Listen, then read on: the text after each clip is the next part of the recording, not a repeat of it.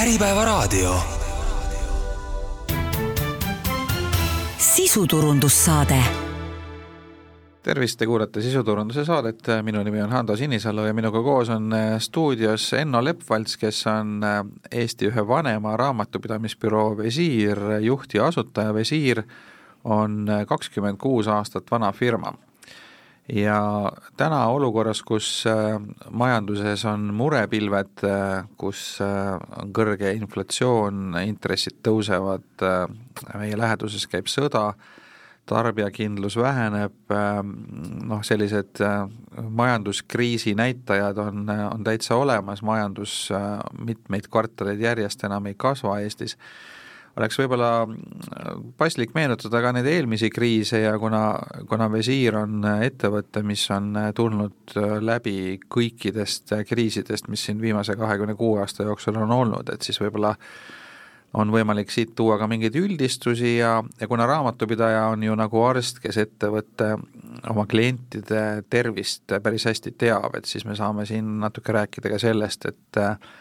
et vaadata, mis on ohumärgid, mille peale kindlasti ettevõtete juhid ja omanikud peaks reageerima, kui raamatupidamises hakkavad need märgid ilmnema, et selline, selline teema, aga visiiri algusaegadest äh, rääkides, et, et, et see kakskümmend kuus aastat, kas, kas sa suudad välja tuua mingisuguse ühe kõige suurema kriisi ka, mis on teil ettevõttel olnud selle aja jooksul ja mis, mis see oli ja ja kuidas te sealt välja tulite, et mis, mis see selline kõige madalam hetk on olnud? tere ka minu poolt, jah, tõsi see on, Visiir on Eesti turul olnud enam kui kakskümmend kuus aastat, kas nüüd edukalt, aga kindlasti mitte, mitte halbade tulemustega. kriise on meil olnud või kriisidest, mis siin majanduses olnud on, oleme me äh, läbi tulnud, neid kriise on olnud mingi kas kolm või neli Äh, erinevaid. kaheksa oli suur kriis, siis oli enne seda oli, oli see dotcom kriis kaks tuhat, eks ole. üheksakümmend seitse oli Venemaaga, äh, kaks tuhat äh, väga siinset vist ei puudutanud. no see oli Ameerika tehnoloogiasektorist alguse saanud. aga siis oli jälle mingi Venemaa ja siis oli kaks tuhat kaheksa jah, ja siis äh, ma ei teagi, kas siin vahepeal ka jälle midagi olnud on. no Covid oli ka iseenesest ja. oli küll, jah ja. et neid ikka jagub, kui hakata meenutama, aga mis see kõige madalam hetk on olnud? no kaks tuhat kaheksa kriis, see ei tulnud meile järsku. et sel ajal, kui ümberringi jah, kõik põles, nii-öelda piltlikult, siis noh, meie maja oli püsti aga see tuli äh, väga hiilivalt äh, sellise kahe aasta jooksul. Äh, madala, madala, madala kaldenurgaga ja kiskus käibe alla ja kiskus kahjumisse mm. -hmm. et no ei saa kuidagi öelda, et puutumata jäime. aga ta tuli meile aeglasemalt ja teisest küljest äh, sellised kriisid, mis ka nii aeglaselt tulevad, see on nagu mingisugune närvimürgi võtmine, et äh, sa näed, kuidas äh, keha ära vajub, mõte on selge, mitte midagi teha ei saa. Aga nagu kahjumisse ettevõte läheb, see tähendab seda, et raha on puudu, et siis on nagu noh, iseenesest kaks varianti suures plaanis, et on kas äh, kasutada sääste või varusid või siis äh, kusagilt raha juurde saada, laenata või, või, või laiendada kapitali, et mis teie tegite? no meil oli vana rasv, lihtsalt ähm, mingisugune kolm-neli või isegi viis aastat äh, me jooksime aasta-aastalt kahjumisse, aga varasem äh, jaotamata kasum oli nii suur, et me omakapitali miinusesse ei läinud. ja noh, kas see oli siis selline alateadlik varude hoidmine või mitte, noh, õnnestus äh, läbi tulla, vahepeal tõsi, me omakapital läks päris madalaks, peaaegu miinimumtasemele välja. aga sealt siis uuesti ülesse ja noh, muidugi hull lugu oli ka see, et et vahetult enne kriisi me kolisime suuremale pinnale, kõik kolisid, kõik meie konkurendid kolisid. ühtäkki olid, olid kõik ilusatel uutel uhketel pindadel ja siis käis nii-öelda pauk. meie õnn oli see, et me kolimise käigus päris kõike oma raha ära ei kulutanud, uue sisustuse ja muu tilulilu peale nii-öelda et mingi rasv jäi selga ja, ja see meid aitas. lisaks jah, siin edasise jutu käigus ma saan veel tuua välja, mis siis aitasid nii ühest kui teisest kriisist läbi. kui üldse kogu see ajalugu läbi käia, mis meid on järjest ja järjest aidanud siis rasketel hetkedel on no esimene asi, me ei ole ära põlanud nii-öelda ühtegi klienti. raamatupidamine kui selline on ju tegelikult üsna kitsas ärivaldkond ise. samas kuna raamatupidamise järgi on vajadus kõikidel ettevõtjatel, mõned otsustavad nii seda lahendada, mõned naa, mm, siis noh, me ei ole ühelegi kliendile niimoodi selgelt ära öelda, et sinu valdkond on selline, milles me ei tegutse. ehk kui klient ise on selline, et me ei taha teda võtta, siis äh, see selleks, aga me ei ole ühtegi valdkonda ära põlanud ja me ei ole kontsentreerinud ennast äh, ühelegi valdkonnale. Ähm, nii et selles mõttes nagu munad on mitmes korvis, et pole liiga riskid nagu ühes sektoris, et noh, a la võib-olla keegi võtab ainult äh, ma ei tea, startup'e või eksportivaid ettevõtteid või, äh, või kaubandust või, või mis tahes valdkonda, eks ole. jah, me nägime pealt öö, ähm, oma öö, ähm, kolleege näiteks Lätis, kes öö, noh, kuulutasid rõõmsalt heal ajal, et nemad on kontsentreerinud kinnisvaraettevõtetele ennast ja nägime kohe peale seda kahe tuhande kaheksa aasta kriisi, et nemad olid käpuli. Nad pidid äh, ennast, äh, minu meelest nad koondasid ennast äh, sellesama kahe omanikuni ja siis püüdsid jätkata. aga sa ütlesid, et teil oli varu, et olla kolm-neli aastat kahjumis, et, see on nagu noh, ütleme ettevõtjatel ju äh, ikkagi eriti väikestel ettevõtetel on, on ähm, headel aegadel suht suur kiusatus ähm, võtta kasum välja ja kasutada seda siis äh, mingiteks äh, hüvedeks äh, enda elujärge pära-, parandada. et, et see nõuab nagu päris head distsipliini, noh ütleme, ettevõtjad ju eeldavad, et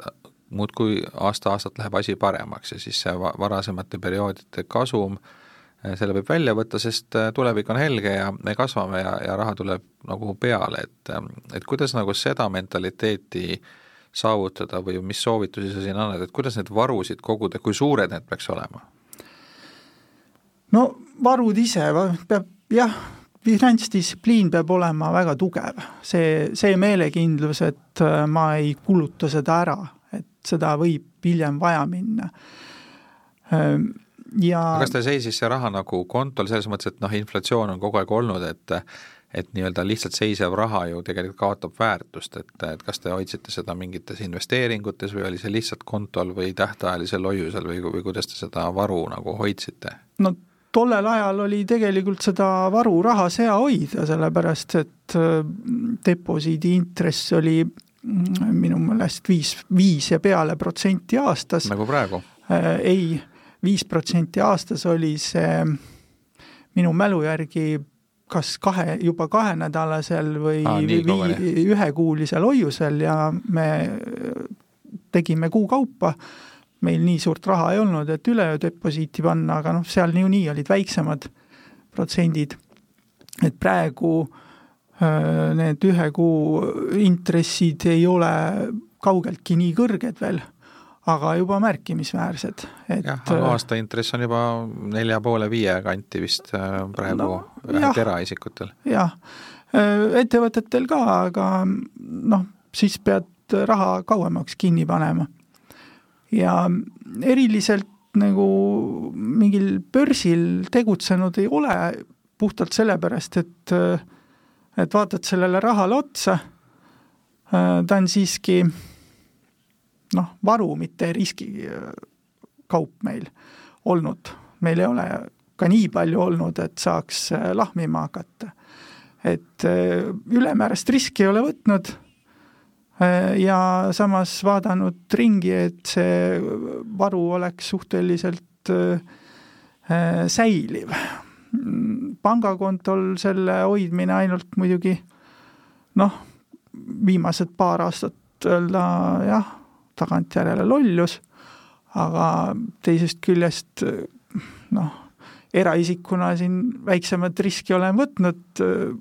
ja vahepeal tekkis küll tunne, et et et lühikeseks müüa tasub siis, kui enne on aktsiaid ostnud mm. -hmm et, et ühesõnaga see äh, investor Toomase konverentsile siin sinu näidet tuua vist ei saa, et edukas investor, kes oskab õigeid aktsiaid valida, siis ma saan aru Äh, no äh, selles mõttes saab, et äh, tuleb vastupidiselt, vastupidiselt käituda. tee, tee nii, nagu mina ei tee, et ahah, no see on ka huvitav, meil on teatud poliitikaanalüütikud sellised, kes ennustavad valimistulemusi, siis kõik teavad, et nii ei lähe, eks ole, et siis et see on ka teatud nišš, aga, aga kui sa nüüd oma kliente vaatad, siis kui palju sa näed neid, kes ilusti nagu, nagu sinu firma siis hoiavad varusid ja kui palju on neid, kes nii-öelda kulutavad kõik ära viimseni, mis, mis neil, mida nad teenivad? No meil on ähm, mõned kliendid päris äh, algusajast veel alles. Ja nende kiituseks peab ütlema, et mõni, mõni neist on säilitanud oma tegevusala, toimetab, kuigi see tegevusala võib olla juba üsna selliseks konkurentsitihedaks ja vaikseks hääbunud, aga ikka teeb seal noh, on kõva tegija. Ja oma varusid nad investeerivad ettevaatlikult, küll mõnel juhul teistesse firmadesse, aga väga-väga vaadatakse, kuhu investeeritakse ja kaitstakse ennast ähm, lepingutega ja ka noh, selliselt, et vajaduselt saa-, vajadusel saaks kas või äh, investeeringuobjekti nii-öelda üle võtta. Äh, ja need ei ole ju mitte väiksed summad seal. osad on läinud äh, kinnisvarateed, nii-öelda muutnud oma tegevusala, noh, kui me pikemat ajalugu vaadame, vaatame, siis suured varandused on ikka teenitud kinnisvaraga. Jah, see äh, seni, kui kinnisvara väärtus ajas kasvab ja seda ta vist meil siin teeb ikkagi põhimõtteliselt kogu aeg, et on, on küll lühi, lühimaajalisi kriise ka, aga, aga ikkagi natukene pikema va vaatega seda vaadata, siis kinnisvara väärtus ajas ikkagi kasvab, et siin, siin vist ei ole sellele eriti võimalik vastu vaielda aga nüüd, kui, kui vaadata neid, äh, siis neid negatiivseid näiteid või pankrotte, siis, ähm, siis noh, pankroti puhul öeldakse seda, et Euroopa ärikultuuris pankrotti nagu ei peeta heaks või ütleme siis, jätab teatud märgi külge ettevõtjale, Ameerikas vastupidi, siis öeldakse, et see polegi õige ettevõtja, kui ta pole pankrotti läbi teinud, et siis tal pole piisavalt kogemusi, aga noh, pankroti käigus ikkagi äh, keegi saab kannatada, et keegi, kellelegi jäädakse võlgu, et olgu need siis äh, mõned äripartnerid või olgu need siis oma töötajad või või noh, tegelikult äh, riik maksude näol on kõige paremini kaitstud, et see on nagu e-, e-, esimene, esimene koht, kust nagu äh, ära, ära tuleb võlad maksta, et aga, aga noh, ka, ka maksude näol jäetakse võlgu, siin näiteid on päris palju. et, et mis, mis sinu vaade pankrotile on, et, et sa oled neid näinud et, kas, kas see, nagu Ameerikas armastatakse öelda, et, et õige ettevõtja peab pankrotist läbi käima, et mis, mis sina arvad sellest ütlusest? no kas just pankrotist, aga no äh, väga kergelt purjetanud äh, ettevõtja äh, on,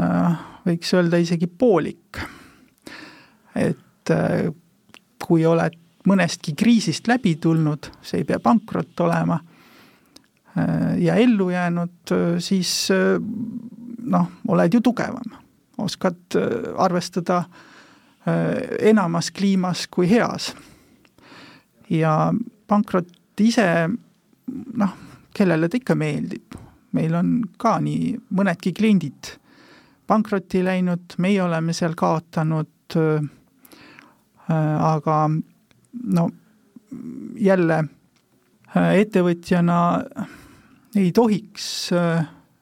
endal tekitada sellist olukorda, et oled panustanud ainult ühte korvi, see üks korv võib olla kas või üks suur klient, kes kas või näiteks sul käibest juba alates kolmandiku võtab, kui just ei ole hüperkasumiga tegevusala,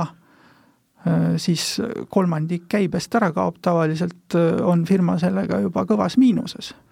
Aga, aga mis siis teha selles mõttes, et, et noh, ühest küljest, kui sul noh, ole, oletame, et mul on nagu pikaajaline ärisuhe ühe suure kliendiga ja seni on kõik hästi läinud, ja nüüd ühel hetkel ta jääb võlgu, et noh, et sa ei taha kohe ju väga karmiks ka minna, et ikkagi sa loodad, et see suhe kestab edasi ja tulevikus saab jälle äri teha, et noh, et seal on nagu mingi väga selline noh, peene tasakaalu värk, et, et kust maalt sa nagu viisakalt küsid oma raha ja kust maalt sa kurjemaks lähed ja, ja, ja kust maalt läheb asi juba, ma ei tea, inkassosse või annad pankrotihoiatuse sisse või midagi sellist, et et kuidas, kuidas sinu kogemus ütleb, et, et kuidas seda nii-öelda võlgade sissenõudmise tooni või, või kui jõuliselt seda nagu mõistlik teha on, et tundub, et mida varem äh, kes esimesena nii-öelda oma raha kätte saab, sellel on šansid suuremad, et kui sa jääd viimaste hulka, siis on juba nagu asi kehvem, eks ole, et nagu no minu kogemus ja meie klientide kogemus ähm, pankrotistunud klientidega näitab seda, et äh, et mida varem ikka trummi taguma hakkad ja enda õiguste eest seisma hakkad, äh, seda kergemalt sa selle ise üle elad. noh, selge on see, et kui kui juba on näha, et raskused on majas, siis tuleb müük ära lõpetada sellele kliendile. et mitte äh, juurde tekitada võlga? ei, võlga juurde tekitada ei tohi. kõik juhtumid, äh, mida mina olen näinud, kus on püütud äh, juurde müüa, et äkki ta saab raskustest üle, ei saa, ei saa. seda kasutatakse hoopis ära. pigem võimalikult kiiresti plokk ette, saab raha, saab kauba, saab raha, saab kauba või teenuse. aga maksetähtajad, et kui keegi küsib, et kuule, et ma ei suuda sulle, ma ei tea, mis see tavaline maksetähtaeg on, seitse või neliteist päeva, et ma ei suuda maksta, et anna mulle, ma ei tea, üheksakümmend päeva tähtaega, et, et mul praegu rasked ajad, mis sa sellest arvad? kaubanduses on palju seda, no jah aga, aga mitte suurele summale ja kindlasti sellisel juhul tuleb äh, määrata krediidilimiit, äh, mida sa sellele kliendile välja annad ja ise ka sellest jõuliselt kinni pidada, et ähm, noh, hoolimata sellest, et tal ei ole maksetähtaeg saabunud, näiteks määrad krediidilimiidi viis tuhat või kümme tuhat eurot, rohkem sa talle võlgu ei anna maksab varasemad arved, mille maksetähtaeg küll ei ole veel saabunud ära, saad juurde anda. sellisel juhul maksimaalne kaotus on piiratud krediidilimiidiga ja krediidilimiidi määrad sa igale kliendile sellise, mille kaotamine ei löö jalgu alt. lisaks sellele mm, ühte suurt klienti omada on risk. okei okay,, sa alustad Äh, alustad ühe suure kliendiga, mingi aeg alati läheb äh, ilusasti, hoogsalt, võta, otsi juurde teisi kliente, kas või väiksemaid. aga ta ei tohiks olla portfellist, no kindlasti mitte üle kolmekümne protsendi. Ähm, mina visiiris olen järginud seda, et äh, üks klient ei oleks üle kümne protsendi. kui see klient ära kaob no käib kõksatus läbi, aga midagi hullemat ei juhtu. no nüüd nende võlgu jäämistega on noh, võib-olla psühholoogilises mõttes, kui keegi sulle võlgu on, siis kõige häirivam on see, et see võlglane kaob ära. et noh, see on inimlikult mõistetav, et kui sa nagu ei oska, noh kui keegi küsib, et kus mu raha on, millal maksad, kui sa tegelikult ei tea, millal sa saad maksta, kas üldse saad, et siis paljud lihtsalt lülitavad telefoni välja, ei võtagi toru ja, ja nii-öelda arvavad, et äkki, äkki see asi läheb kuidagi iseenesest üle, mis tavaliselt kunagi ei lähe, eks ole. et et kuidas sa soovitad nagu suhelda nüüd ütleme niipidi vaadates, et kui, kui kui sina oled kellelegi võlgu ja, ja sa loodad ikkagi välja tulla sellest asjast, et et millal teada anda, kuidas teada anda, mida, mida rääkida, mida lubada, et, et mis siin võiks selline hea praktika olla? no mina püüaks äh, mingisuguse maksegraafiku luua. et äh, kui äh, korraga suurt summat välja käia ei ole, siis teatud aja jooksul väiksemate summade kaupa püüda oma võlg ära lahendada. Ja samas noh, kindlasti ei tohiks seda äh, enda kehva seisu siis äh, piltlikult parandada mingisuguste täiendavate laenude võtmisega, äh, eriti suure protsendiga laenude, püüda kuidagi refinantseerida laenude asju, kui on laenuvõlad, laenusid, püüda saada kas siis pikema graafiku peale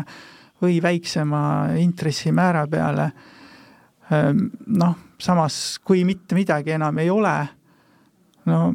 siis tuleb varakult käed püsti tõsta ja öelda, et noh, ei ole. et ehm, ainuke võimalus siis ongi pankrot välja kuulutada ja sellega siis ilmselt ei tasu ka venitada, et tegelikult see noh, kui, kui hakata nagu lootusetus olukorras veel meeleheitlikke samme tegema, siis tegelikult äh, sa tekitad ju probleeme juurde, et sa, siis on neid, kes, kellele sa võlgu jääd veel rohkem lõpuks, eks ole? on äh, rohkem, on kurjemad äh, ja lisaks sellele selline tegevus on ka äh, seaduse silmis kuritegelik, et ikkagi võimalikult kiiresti tegutseda ja, ja kui, kui on näha, et mitte midagi enam võimalust ei ole, siis äh, noh, minna pankroti teed. Äh, nüüd ju on, äh, on ka toodud vist ellu selline asi nagu mingi võlgade tagasivõitmise keskus või ma, ma võin nimega eksida, aga selline riigiasutus, mis siis hekseldab pankrotte läbi ja vaatab, ega seal ei ole pahatahtlikke kõrvalepanemisi. et ei, ei, ei ole mõtet hakata kantima, need, need tuuakse tagasi. no üks võib-olla positiivne asi, kui me räägime siin pika ajalooga ettevõtetest, siis äh, nagu viimase aja selline võib-olla positiivne uudis on see, et nüüd on võimalik ju äh, Äh, nendelt lootusetutelt arvetelt äh, käibemaks tagasi saada, et kui vanasti see oli niimoodi, et kui keegi sulle võlgu oli, siis sa olid juba selle käibemaksu ka ära maksnud ja oli nagu, nagu see raha ka läinud, et nüüd vähemalt saab selles osas raha tagasi, et, et see on minu arvates nagu hea areng. Väga tervitatav, noh jah, me pidime ikkagi kümneid aastaid pealt vaatama, kuidas arenenud Euroopa nii tegutseb. Ja meil sellist võimalust ei ole. Omal ajal äh, vist sakslastega koostöös äh, sakslased kergitasid ikka üllatunult kulmu, et kus, kus me elame või mis, mis seadused nagu meil top, on. topeltkaristus sisuliselt oli, jah? jah, ja noh, muidugi seal on teatud piirangud, aga jälle noh, hoia raamatupidamine korras, siis sa näed, et et sul on sellised võlgnikud, ta peab juba võlas olema ju aasta, aga mitte üle kolme aasta. ehk sa pead piisavalt kiiresti tegutsema ja raamatupidaja siin kindlasti on hea abimees või abinaine, ähm, äh, kes siis saab nõustada ja seal on vaja ka teatud dokumentatsiooni teha, aga eelkõige on noh, eeldus see, et sa tead neist äh, võlgadest ja sul on kogu aeg pilt silma ees, kuna tegutseda. Enno, üks äh, nii-öelda nähtus võib-olla on, on ka veel see, et ettevõtted, mis lähevad pankrotti, siis me näeme sageli sama omanike ringi sarnases tegevusvaldkonnas tulemas välja uue ettevõttega. ja, ja kuigi noh, formaalselt on tegu uue äriga, siis, siis noh, sisuliselt inimlikud suhted, kõik kliendisuhted kanduvad nagu üle uude, uude ettevõttesse, et mis sinu vaade sellele tegevusele on, et, et kui nüüd mingil põhjusel vana ettevõte läheb pankrotti, noh ilmne on ju see, et omanikel on selles valdkonnas ekspertiis, vaevalt kui ta nüüd äh, on ehitusega tegelenud, et ta nüüd järgmisena pagariäri pidama hakkaks, et, et tõenäoliselt ikkagi noh, ehituse valdkonnas ta tahab ka edasi tegutseda. aga noh, nüüd, nüüd on küsimus selles, et, et mis siis teha, et ta on kellelegi võlgu jäänud, kas ta peaks kuidagimoodi kõik need võlad siis ära maksma, samas meil on, eks ole, piiratud vastutusega äriühing, et eraisiku, eraisikule see vastutus ju ei laiene, kui ta on õigesti tegutsenud ilma seadusi rikkumata, et mis, mis siis teha, et kui lähed pankrotti, kas, kas on mõistlik samas tegevusvaldkonnas jätkata uue firmaga? no selliseid äh, ümberkantimisi, nii võib neid nimetada, olen ma ise ka kõrvalt näinud. Ja kui ettevõte juba pankrotti on läinud no siis tegelikult see juht uuesti ei saa kõrvalt äh, sama äri alustada ega ka mingit muud äri alustada natukene aega. kui ta nüüd enne nii-öelda tõstab tegevuse ümber, siis äh, tuleb äh, vaadata, mida ta sinna oma uudes ettevõttesse ümber tõstab. Kui ta tõstab sisuliselt äh, kogu tegevuse sinna, siis äh, seaduse järgi see on ettevõtte üleminek. näiteks Maksuametil on suhteliselt lihtne ja päris palju kogemusi selle skeemi läbihammustamiseks. Äh, ja kui see nüüd kohtust läbi käib, siis on ka teistel võlausaldajatel ilus vaba tee sama asja nõuda. Kui viimases hädas on mingi tahtmine sama äriga puhtalt kohalt alustada, siis väga, väga tuleb vaadata, kellega ja mis vahenditega seda uut äri alustada. kui samad töötajad üle võtta, juba siis on näha ettevõtte üleminekut. kui sama kliendibaas üle võtta, on ettevõtte üleminek. kui need korraga üle võtta, siis on kauge maa taha näha. Jah, inimlikult on raske kätt ette panna, aga seaduse poolt vaadatuna siis tuleb ikkagi püüda võimalikult nullist alustada, uued töötajad, noh, selge, et paljud kliendid on ju peas, noh, keegi ei saa keelata peast nende äh, klientide poole jälle pöördumist, küll aga ei tohi, noh, kohe kindlasti ei tohi klientide maksmata arveid suunata uude ettevõttesse mm. -hmm. et see, see on juba nii ilusasti sillutatud tee igasugustele võlanõudjatele, et noh, paremat on raske tahta aga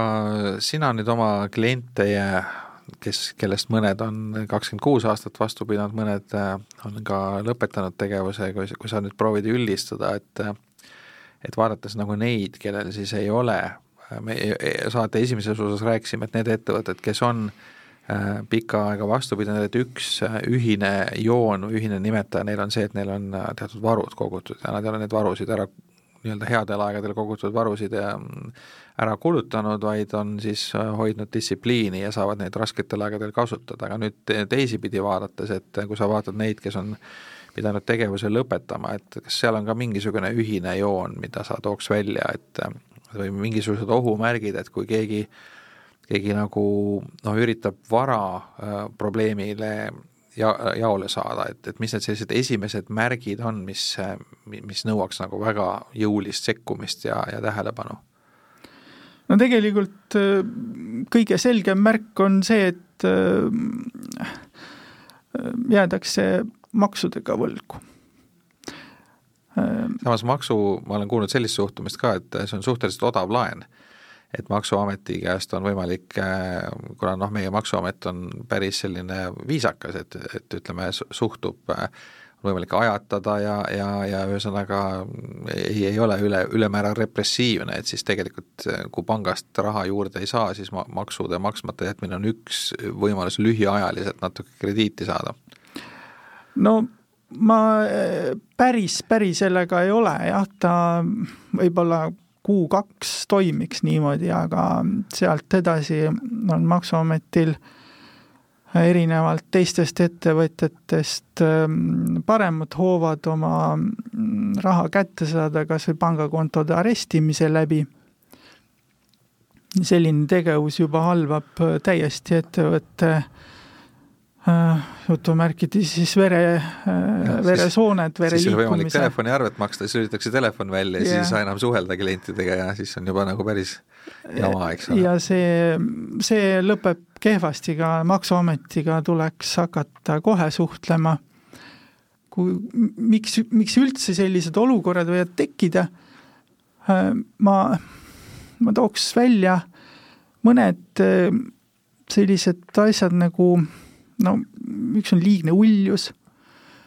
teine on öö, äh, oma kulubaasi, kulubaasiga mitte tegelemine kui, kui sa ju startup ei ole ja rahaga kindlustatud, siis äh, peaksid kulud pidevalt olema tuludest ikkagi madalamad. teine küsimus on jah, kui sa mingit toodet arendad, aga see on hoopis teine asi, äh, arendada saad sa ikkagi juba mingisuguse olemasoleva rahaga, sul peab olema mingi investor, kes on siis raha sisse käinud, selle järgi katad noh, startup'i probleeme me kõik jälle teame. Ehm, selline firma, kes siis ei ole startup, no tegelikult kui, kui raha ei ole, siis ei ole mõtet kulusid võtta. Ehm, see lõpeb halvasti. töötada saab ikka selles ulatuses, mis sul raha on nii et ühesõnaga siis arendustegevus olematu raha arvelt on üks selline sinu kogemusest asi, mis, mis ettevõtetel halvasti lõpeb, et et üritatakse kulutada raha, mida ei ole veel olemas või siis äh, nii-öelda ülemäära suurt raha mingisuguse tuleviku tegevuse jaoks äh, ja, ja siis, kui see ei lähe nii, nagu plaanitud, siis ongi jama majas, eks ole? no tegelikult arenduse jaoks ikkagi ei kulutata, lihtsalt on kulubaas äh, mõtlematult suur, kas on äh, liiga suur e-, kontor ebaefektiivsed või? töötajad, äh, kallis kontor, ähm, noh, mingisugused luksuslikud kulutused, mis ei vasta siis tulubaasile, mm, et noh, selline, selline priiskamine, ütleks no see on üks asi, aga, aga ma toon sellise ühe sellise klassikalise väikeettevõtja dilemma, et oletame, et ma olen nagu mees ja koer, niisugune üksik ettevõtja, oletame, et ma tekitan näiteks sada tuhat käivet aastas üksinda ja oletame, et kakskümmend tuhat kasumit näiteks. ja selline projekt, nüüd ma tahaks areneda, üksi enam ei jõua, võtan endale töötaja, noh kakskümmend tuhat lähebki kohe võib-olla isegi rohkem selle töötaja palga peale, eks ole, aastas ära ja oletame, et see töötaja nagu kohe alguses ei saa nagu vedama, et, et tegelikult juhtub see, et äh, kasum kulub ära ja eriti arengut ka ei toimu. ehk et, äh, et tegelikult ollakse olukorras, kus, kus on nagu proovitud laieneda, aga sellest ei tule midagi välja. ja see võib juhtuda ka nagu mitu korda järjest, et tegelikult see, seda vist nimetatakse ka mingiks, mingiks klaaslaeks või et nagu sealt on nagu väga raske välja murda sellest et, et nagu astuda sellele järgmisele tasemele, et nii-öelda ärimaht kasvaks ja kasumlikkus ka kasvaks, aga just see üleminekusamm on nagu väga raske. et, et oletame, et ongi selline näide siis, et mul on see saja tuhandese käibega ettevõte, teenib kakskümmend tuhat kasumit, üksi toimetan, nüüd tahan areneda, võtan töötaja tööle, kasum kohe pauh läheb selle töötaja palga peale, aga tulemused võtavad aega. Mm, no seda selle töötaja sisseelamiseks äh, tuleb siis vastavalt äh, väga kindlad piirid paika panna, et ühe kuuga elab sisse, siis juba tahad mingeid tulemusi saada, kui tulemusi ei tule, äh, pead ikka näpuga kohe järge vedama, miks ei tule, kas võib tulla, võib-olla töötaja hoopis kasutabki ära, ta läheb järgmisse sellisesse ettevõttesse samamoodi seda klaaslage täitma nii-öelda. et ähm, äh, ka, ka meil on kogemusi selliste töötajatega, et ta, ta, ta lihtsalt täidabki kohta. See tegelikult, ma olen kuulnud sellist asja, et kuigi meil seaduse järgi on katseaeg neli kuud, et tegelikult paljud ettevõtjad ütlevad, et see on absurdselt pikk, et tegelikult enam-vähem kuu või isegi veel vähem et sa saad kohe aru, kas see töötaja nagu on õigel kohal või ei ole, et tegelikult need, kelle sisseelamine võtab rohkem aega, et siis juba on midagi valesti või on siis väga erandlikud võib-olla mõned? Äh, katseaja neli kuud pikkus ei ole kohustus. sa, sa võid katseajaga kaks kuud panna, tegelikult äh, neli kuud panna, noh, kasutatakse sellepärast, et katseajal on äh, pisut lihtsam töötajast vabaneda, aga katseajas, katseaega mm, aluseks tuua vabanemisel on katseaja tingimustele või tulemusele mittevastamine. ehk äh,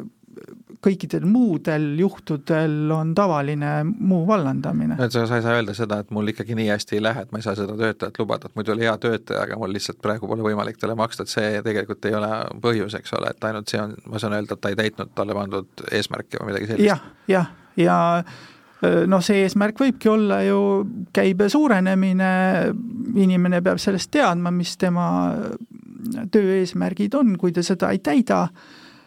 jätkuvalt ei täida, no siis poolteist, kaks kuud peaks juba selge olema, kas ta siis hakkab täitma või mitte. et, et, et nii-öelda sinu lühike soovitus selles olukorras, kus see klaaslagi ette tuleb, on see, et mitte, mitte venitada, raisata aega, et kui see töötaja, keda sa siis oled nii-öelda võtnud tööle lootusega ärimahtu kasvatada, et kui seda nüüd ei juht, juhtu nagu suhteliselt lühikese aja jooksul, siis ei ole mõtet seal nagu raha edasi kulutada, vaid tuleb siis kas leida uus töötaja või, või mingi muu plaan, et, et ühesõnaga see on koht, kus ei tohi venitada, sest see iga kuu on tegelikult oluline kulu, eks ole. jah, täpselt nii see on. no tegelikult vaata selline väike mees ja koer tüüpi ettevõte, see mees seal ongi see müüja. mina alustaks kõrvaliste tegevuste Mm, delegeerimisest. jah, et müügiinimest tegelikult võtta, see on ka see dilemma, et äh, hea müügiinimene maksab nii palju, et, äh, et see kõik, mis ta teenib, kulub tema palga peale ära ja halb müügiinimene võib-olla võtab küll vähem raha, aga ta ei müü midagi. jah, igal juhul kulu, et äh, tegelikult see väikeettevõtte omanik ja juht ongi kõige parem müügimees delegeeri ära need valdkonnad, noh jah, kas või alustades raamatupidamisest, et eh, mis sind segavad. tegelikult jah, võib tunduda, et ei sega, aga segab. delegeeri ära, võta see väikse raha eest sisse eh, ja keskendu ise oma ettevõtte mm, arendamisele ehk eh, kliendibaasi suurendamisele, müümisele, see tuleb sellel ettevõtjal kõige paremini välja sellega ta ju alustas. just, ja, ja seda ei tee keegi teine, noh eriti väikses ettevõttes, suures ettevõttes on olukord natuke teine, aga, aga väikses ettevõttes on, on jah, see nii-öelda selle asutaja, omaniku kõige suurem tugevus on see, et ta suudab oma asja müüa, kuna ta ise usub sellesse ja ta ise on nii-öelda selle, selle keskel. jah, ja kui sa oled ära delegeerinud äh, kõrvalised tegevused, saanud äh, veel suurema müügimahu. Siis sa võid võtta endale kõrvale äh, müügiõpilase nii-öelda ja äh, noh, võib-olla mitte prauhti teda panema kohe äh, müüma, vaid andma osa oma kliente teda, tema teenindamisele, siis ta elab sisse. Kui see päris, kui ta ei ole nagu selline igapäevane müük nendele klientidele taas ja taas, siis äh, kas või on, on kõrval ja näeb, kuidas müük käib. Mm.. et äh, mitte ei viska kutsikat vette, see müügivaldkonnas ei tarvitse väga hästi lõppeda, ta peab nägema, kuidas antud äh, alal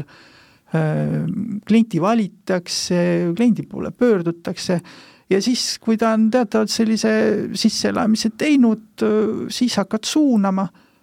ja, ja küll, küll siis ka tulemus tuleb. Ka, ka mina olen proovinud äh, nii-öelda äh, suvalist müügikogemusega inimest äh, kasutada, noh jah, kui temale tähelepanu ei pööra, siis lõpeb see asi fiaskoga. Mm. -hmm räägime saate lõpetuseks sellisest asjast ka nagu ettevõtte tulumaks, et, et sinu ettevõtte visiir on kakskümmend kuus aastat vana ja, ja sa mäletad veel seda aega, kui Eestis ettevõtte tulumaks kehtis. Nüüd on siin noh, ei ole veel otsustatud, aga mõtted on üleval, ma ei tea, kas see on mingid intellektuaalsed mõttemängud või on see päris tõsine, et võiks taas olla siis ettevõtte tulumaks Eestis, et mida see nagu tähendaks raamatupidamislikult? no täna tähendaks, ega ta suurt midagi ei muudaks, enamikel firmadel on raamatupidamine jooksev. Väiksematel, kes aastakaupa teda teevad, ei ole mm, selline kasumi aruande järgne tulumaksu maksmine tähendaks tegelikult seda, et kui üllatusi tahta vältida, siis peaks raamatupidamine olema pidev. sa tead, mis sind ees ootab. omal ajal oli ka avansiline tulumaks varasemate tulemuste järgi ka jälle võis olla suhteliselt koormav, et äh, oli hea aasta, muudkui maksa ja muudkui maksa, mingid võimalused olid näitamaks, et antud aasta ei tule nii hea, kes seda kuulas. avansiline tulumaks tähendab seda, et kui näiteks on praegu on hea aasta, siis ma maksan järgmine aasta selle aasta tulemuste pealt tulumaksu, kuigi võib-olla kehvem aasta, et tegelikult äh, ma nii-öelda maksan maksu selle asja pealt, mida ma tegelikult pole, seda tulu pole saanudki. no tegelikult see võib olla ka ju nagu sessioon, et, et kui mul on, ma ei tea, sellist laadi äri, ma ei tea, oletame, et mingi suveäri, mingisugune rannakohvik näiteks, et äh, suvekuudel teenin kena kasumi, aga siis ülejäänud aastas olen kahjumis, et kas siis tähendab seda, et ma peaks nagu, nagu seda tulumaksu maksma siis ma ei tea, juulikuu kasumi pealt ära ja siis pärast kannatama need külmad kuud seal või, või kuidas see käib? ei no see käis ikka terve aasta kasumi pealt, antud näite võiks klassifitseerida nii, et et väga hea aasta oli oma suvega mm, -hmm. et tegutsengi suvel, jäi päris mõistlik kasum, nüüd maksad tulumaksu ära Äh, maksuamet määrab avansilised maksed, aga ups, järgmine suvi tuleb hoopis vihmane ja kehv. ja, ja siis äh, läheb su raha äh,, rahavaru äh, tulumaksu maksmiseks äh, ja sisuliselt on ta kinni aasta otsa kuni järgmise tuludeklaratsioonini see on väga, väga halb plaan ju, et ma, ma ei saa aru, ma olen lugenud päris mitu pealtnäha täiesti mõistlikku ettevõtjat äh, soovitavad seda, et võiks olla ettevõtete tulumaks, eks ja praegu ma kuulen siin, siis mul tuleb hirm peale, et see on ettevõtjale küll nagu päris nagu ebamugav olukord. ega teda asjata ei äh, püütud omal ajal siis ära kaotada või noh, ei kaotatudki, tegelikult oli näha, et äh, Mm, noh, toimus ju ähm, väga tõsine tulude varjamine, äh, ühtäkki siis korraga ei olnud seda vaja teha enam, äh, noh, Eesti oli ju arengumaa, noh, on natuke praegugi, aga äh, noh, tänaseks on kõik harjunud, et mingit tulu varjamist ei ole vaja, selleks, et nüüd kui nüüd see ettevõtte tulumaks tagasi millegipärast tuua poliitik, poliitikute poolt, siis peab ikka väga ettevaatlikult mõtlema, missugune see tulumaksumäär üldse võiks olla, kas, kas see ettevõtte tulumaks võib olla üldse teatud suurusega firmadele, noh, siis jälle hakatakse mõtlema, et lahutatakse firmad juppideks, aga ega tegelikult seda suurt firmad töötavad jurakat juppideks laduda on väga tülikas sisemiselt. et noh, ega see suur ei taha nii väga jaguneda. ja no suures maailmas on näha, et et suurel rahal on alati mingid võimalused ja paremad võimalused oma tulumaksuskeemide sättimiseks ja ma, mulle meenub äh, IKEA lugu, kuidas äh, tuntud äh, ettevõtja Ingvar Kamprad, IKEA asutaja, kes tegutses Rootsis ja kus Rootsis teatavasti on väga kõrged maksud, siis ta mõtles välja nagu hulgaliselt skeeme kuni sinnamaani välja, et ta lõi fondi, mis tegelikult ongi nagu meie mõistes MTÜ ja, ja fond kuidagimoodi siis, ühesõnaga see oli päris keeruline skeem, aga igal juhul selle kaudu tal õnnestus päris olulisel määral siis neid äh, tulumaksu vältida, et see on ka nagu ütleme, üsna mõttetu, et, et kehtestada mingid sellised olukorrad, kus siis mõned üksikud geeniused suudavad välja mõelda skeemi, kuidas seda maksu vältida. no jah, ega rahatu geenius ei tee midagi, raha, raha ja geenius kokku saavad, siis nad teevad palju. Ja noh, tegelikult sellistes mm, majandustes, kus on märkimisväärne ettevõtte tulumaks äh, Äh, kulub äh, väga palju ressurssi selle tulumaksu vältimiseks. seesama ressurss võiks tegelikult äh, hoopis millegi loovamaga tegeleda. ja teisest on siis vastas kohe ametnikud, kes siis seda keerulisemat tulumaksu peavad hakkama haldama, jälle majandusest suur hulk